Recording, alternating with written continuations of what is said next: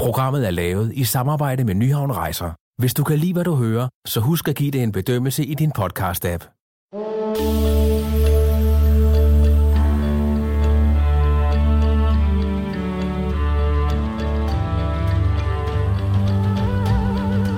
Velkommen til podcasten Øjeblikke af guld. Mit navn er Benedikte Balling. Marie Ankær Øen fra Nyhavn Rejser og hendes mand valgte at sige ja til hinanden på en strand på Mauritius. Mauritius ligger i det Indiske Ocean ud for Afrikas kyst. Det er en gammel vulkanø på størrelse med Fyn. Det er et sted, man kommer for at nyde naturen, slappe af og være sammen med dem, man elsker.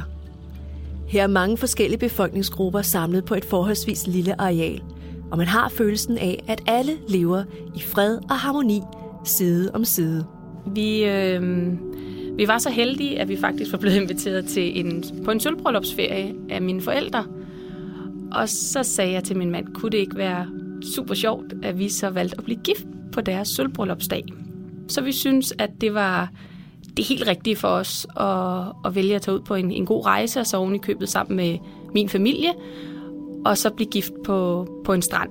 Det at vælge at tage ud i verden og blive øh, videt øh, en god ægteskab, det, det, det, er jo, tænk, det, det er jo faktisk fordi, at dem, som, som gør det, de vil gerne have, at det her det er noget helt særligt. De gør noget, som ingen andre har gjort. Fortæller Jeanette Bonniksen, psykolog og direktør i Center for Stress og Trivsel. Øh, så det er både noget med øh, fortællingen om det bagefter, rent faktisk. Vi gjorde det her helt særligt.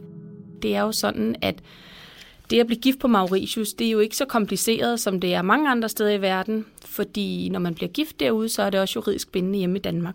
Men det er også noget med at have den der oplevelse af, at det her, det var helt særligt.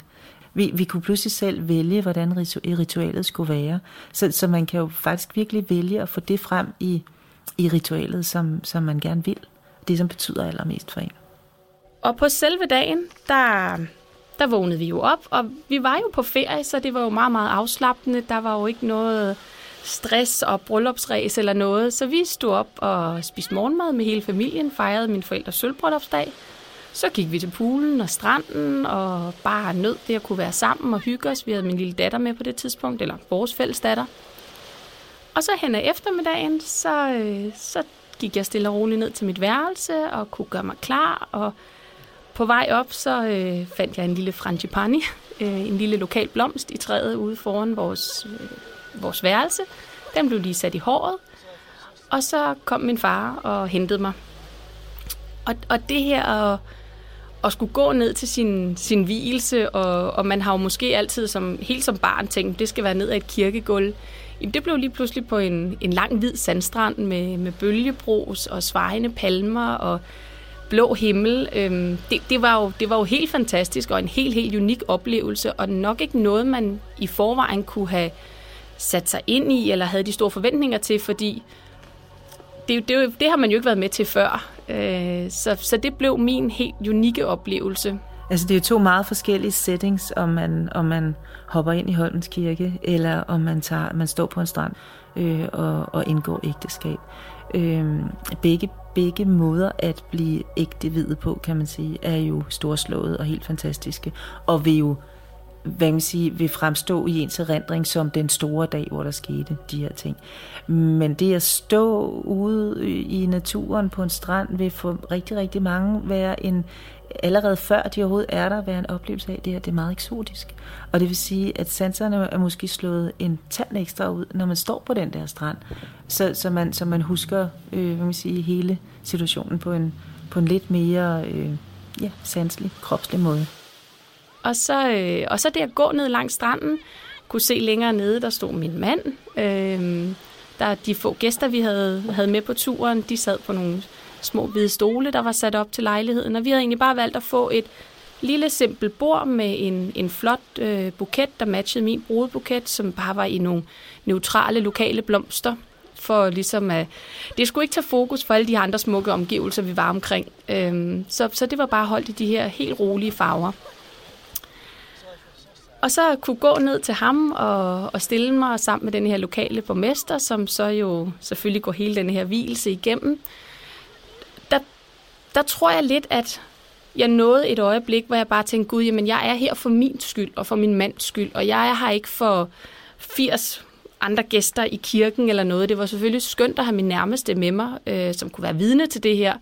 Men, men bare det, at, at havet og palmetræerne var min, var min vidner til det her specielle øjeblik, det var, det var virkelig unikt altså.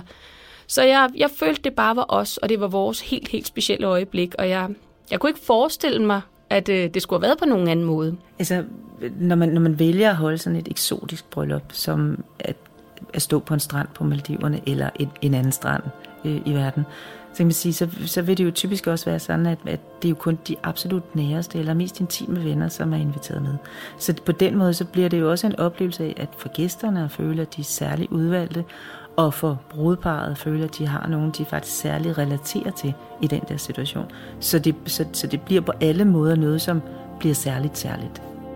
Øh, jamen så bagefter, så var der jo selvfølgelig champagne og bryllupskage. Det var noget, hotellet havde valgt at arrangere for os. Så der kunne vi stå nede i strandkanten alle sammen. Og det var jo i bare tær. Fødderne gravede helt ned i sandet, og solen skinnede. Og det var bare så hyggeligt, og det var så afslappet. Øhm, vi valgte så at følge det op med en middag om aftenen. Nede på stranden, hvor vi sad ud mod vandet og fik noget skønt, skønt mad. Øhm, lækker lokal fisk og det hele, og gode vine. Og vi sad jo bare under den her stjerneklare himmel, og havde jo heller ikke noget, øh, havde ikke noget bryllupsstress over, at der skulle danses brudevalg, så vi skulle nå øh, 20 indslag eller noget. Det, det var bare os, og, og det var bare egentlig hygge på højt plan. Jeg havde min lille datter med igen stadig. Hun lå og sov i klapvognen ved siden af, og det, det, var, det var den perfekte dag. Det var det uden tvivl. Og kunne slendre igen om aftenen, da, da vi brød op. Øhm, bare kunne gå med min mand hånd i hånd ned gennem stranden og bryllupsskoene i hånden hjem til vores værelse og vide, jamen nu vågner vi op i morgen, og så er vi stadig i paradis. Vi, øhm, vi har ikke noget oprydning, vi skal tage os til eller noget. Vi skal bare være her, vi skal nyde hinanden. Øhm, så det, det synes jeg var det synes jeg var rigtig, rigtig skønt, og det var en god dag på alle punkter.